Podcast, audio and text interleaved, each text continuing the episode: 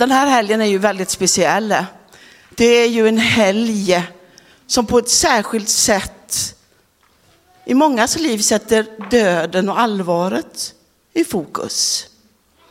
Vi hade alla själarnas dag igår.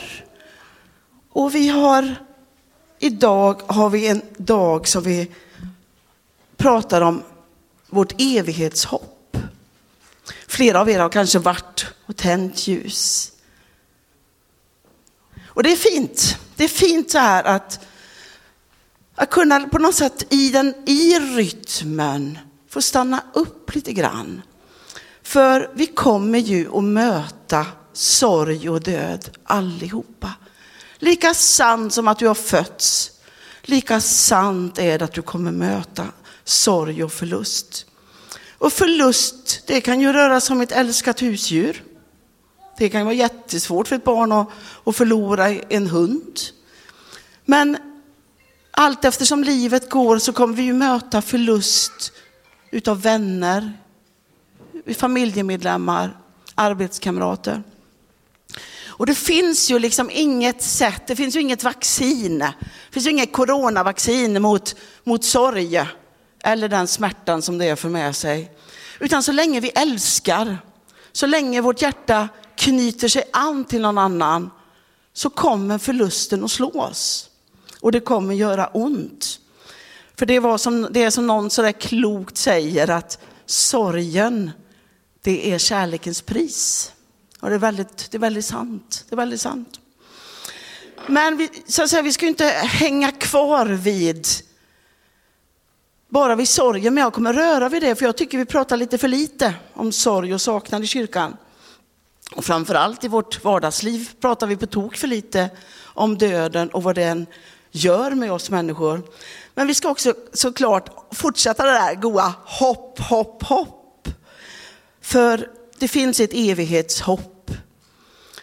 Men Bibeln är underbar på så många sätt. I jobb 17, 15 till 16, som är en av dagens texter, där möter vi också egentligen den där förtvivlan som också finns nära döden.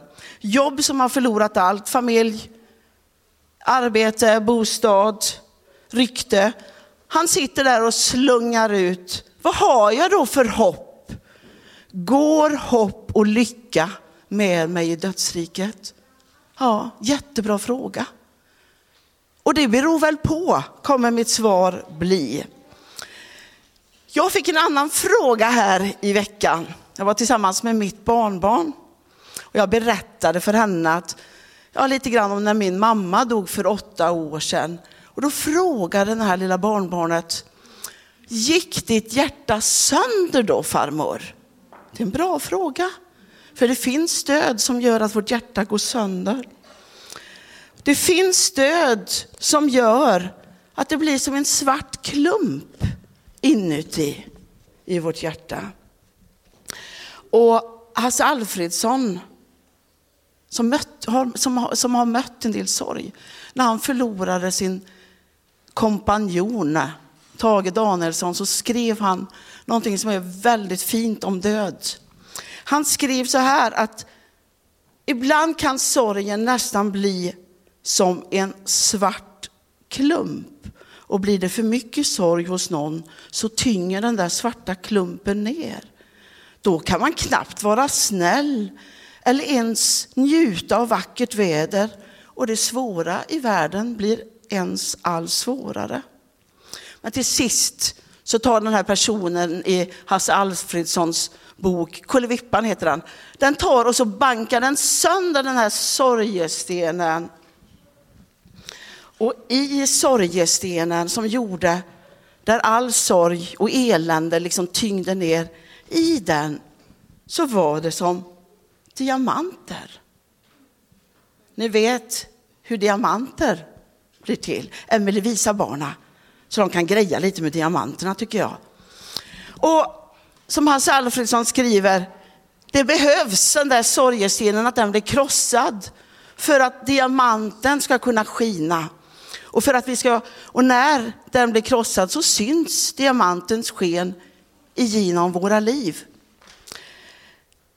Det är lätt att tänka då på det Jesus sa i bergspredikan. Saliga är de som sörjer. Salig, det är nästan grattis till dig som sörjer. Var glad du som sörjer, för du ska bli tröstad. Jesus vet hur man krossar sorgestenar. Jesus vet hur man bryter den där förlamande sorgen som gör det så svårt att kunna vara glad ens när solen skiner.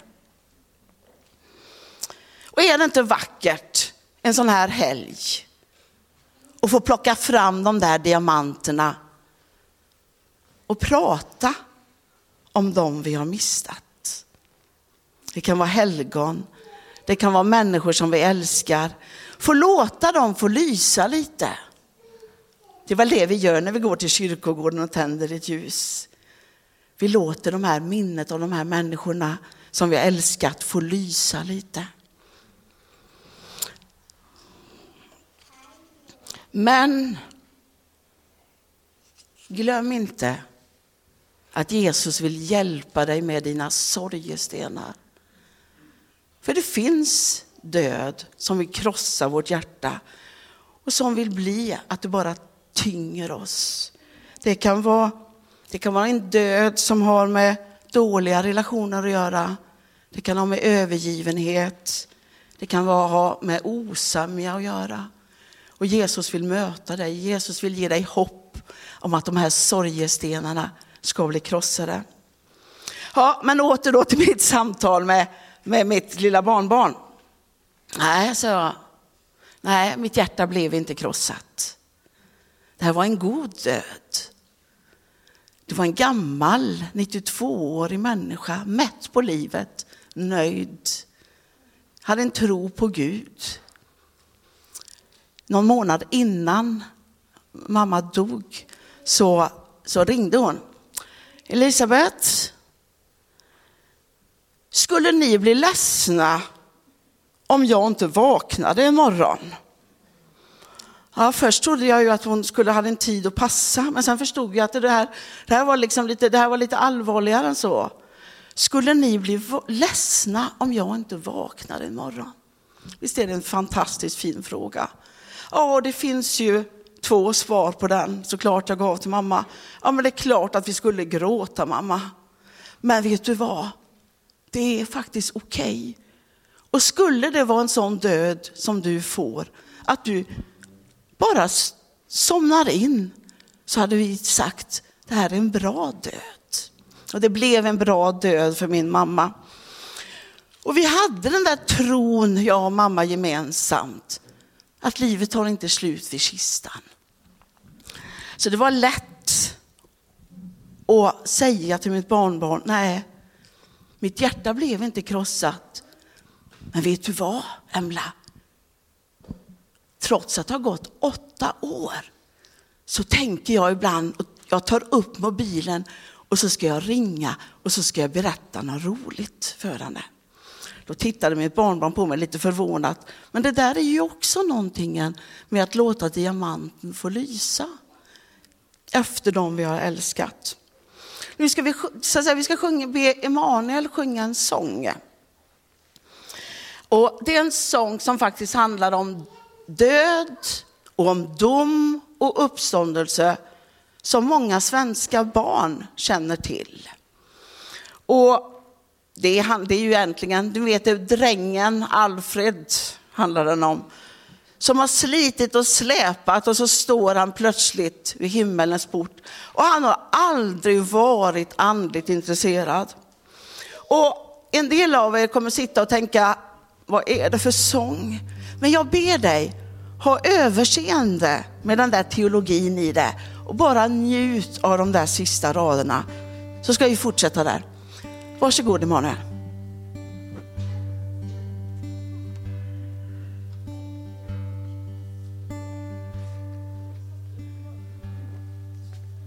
Står där fattig bonddräng framför himmelens port. Lite rädd och ledsen för de synder jag gjort. Man ska inte supa, hålls med flickor och slåss. Herren Gud i himlen är väl missnöjd förstås.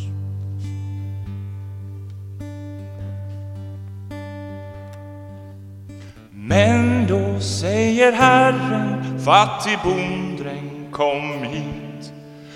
Jag har sett din strävan och ditt eviga slit. Därför, fattig bonddräng, är du välkommen här. Därför, fattig bonddräng, ska du vara mig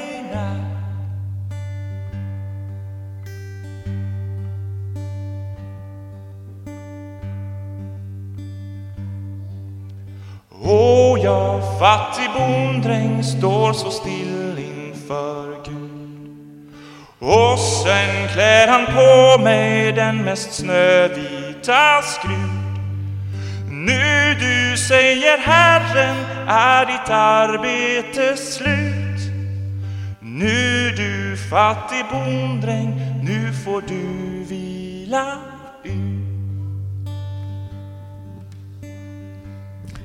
Visst är det underbara, de här sista raderna. Nu du fattig bonddräng så får du vila ut. Och så får han på sig den här snövita dräkten. Visst är det lätt att tänka på den förlorade sonen som kommer med grisskit på kläderna. Och så hans pappa möter honom och tar på honom rena, fina kläder. En väldigt vacker bild på hur, hur Jesus vill möta oss. Och den här, det finns någonting också som jag tycker är fint. Den här, jag tycker ju väldigt mycket om den här sången, det märker ni ju va? Mm. Men det finns någonting om att, att Gud fader själv, han förstår vår mänskliga strävan och vår skröpelighet. Tycker jag också är lite tröstefint. Ja. Men åter till Jobs fråga. Går hopp och lycka med mig till dödsriket? Ja, så jag, det beror på. För vi vet ingenting om, om vi kommer känna lycka när vi står inför vår död. Vi vet inte om döden kommer göra ont. Vi vet inte om vi kommer ha ett dödsögonblick i ensamhet eller tillsammans med nära och kära. Vi vet ingenting om lycka följer oss in i döden. Det kan vi inte säga någonting om. Men det vi kan säga någonting om, det är att Bibeln säger att det finns ett hopp som följer oss in i dödsriket. Vi har ett hopp om att vi ska ses igen. Vi har ett hopp om den där himmelska skruden. Vi ska läsa dagens text. Johannes 6, 37-40. Alla som Fadern ger mig ska komma till mig och den som kommer till mig ska jag inte visa bort. Ty jag har inte kommit ner från himlen för att göra vad jag själv vill, utan för att göra hans vilja som har sänt mig. Och detta, och detta är hans vilja som har sänt mig. Att jag inte ska låta någon gå förlorad av dem som han har gett mig, utan låta dem uppstå på sista dagen. Och så trycker Jesus på det en gång till, säger samma sak egentligen i, i nästa vers, i vers 40. Till detta är min faders vilja, att alla som ser sonen och tror på honom ska ha evigt liv. Och jag ska låta dem uppstå på den sista dagen. Paulus skriver i första Korintierbrevet 5 och 42, också någonting om de dödas uppståndelse. Så är det också med de dödas uppståndelse. Det som blir sått förgängligt uppstår oförgängligt. Det som blir sått föraktat uppstår i härlighet. Det som blir sått svagt uppstår med full kraft. Det som blir sått som en kropp med fysiskt liv uppstår som en kropp med ande. Finns det en kropp med fysiskt liv så finns det också en kropp med ande. Det som blir sått föraktat uppstår i härlighet. Är inte det lite grann det där som prästen säger när man lägger jord eller en blomma på kistan? Av jord är du kommen, av jord ska du återvara. Jesus Kristus, vår frälsare, ska uppväcka dig på den yttersta dagen. Och det är vårt hopp. Att Guds, Faderns vilja, att vi som ser mot Jesus, att vi ska få bli uppväckta på den yttersta dagen. Korset är det synbara tecknet på vårt hopp. Ja, där ser ni korset.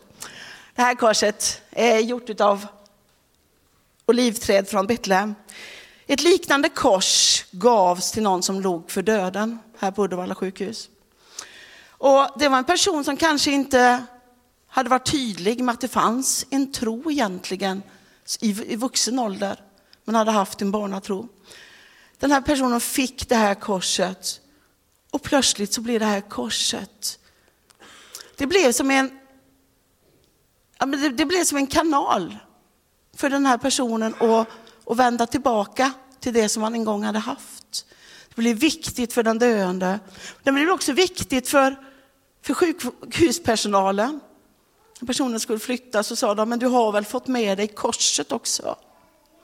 Och det blev viktigt för de som vakade personen in i döden.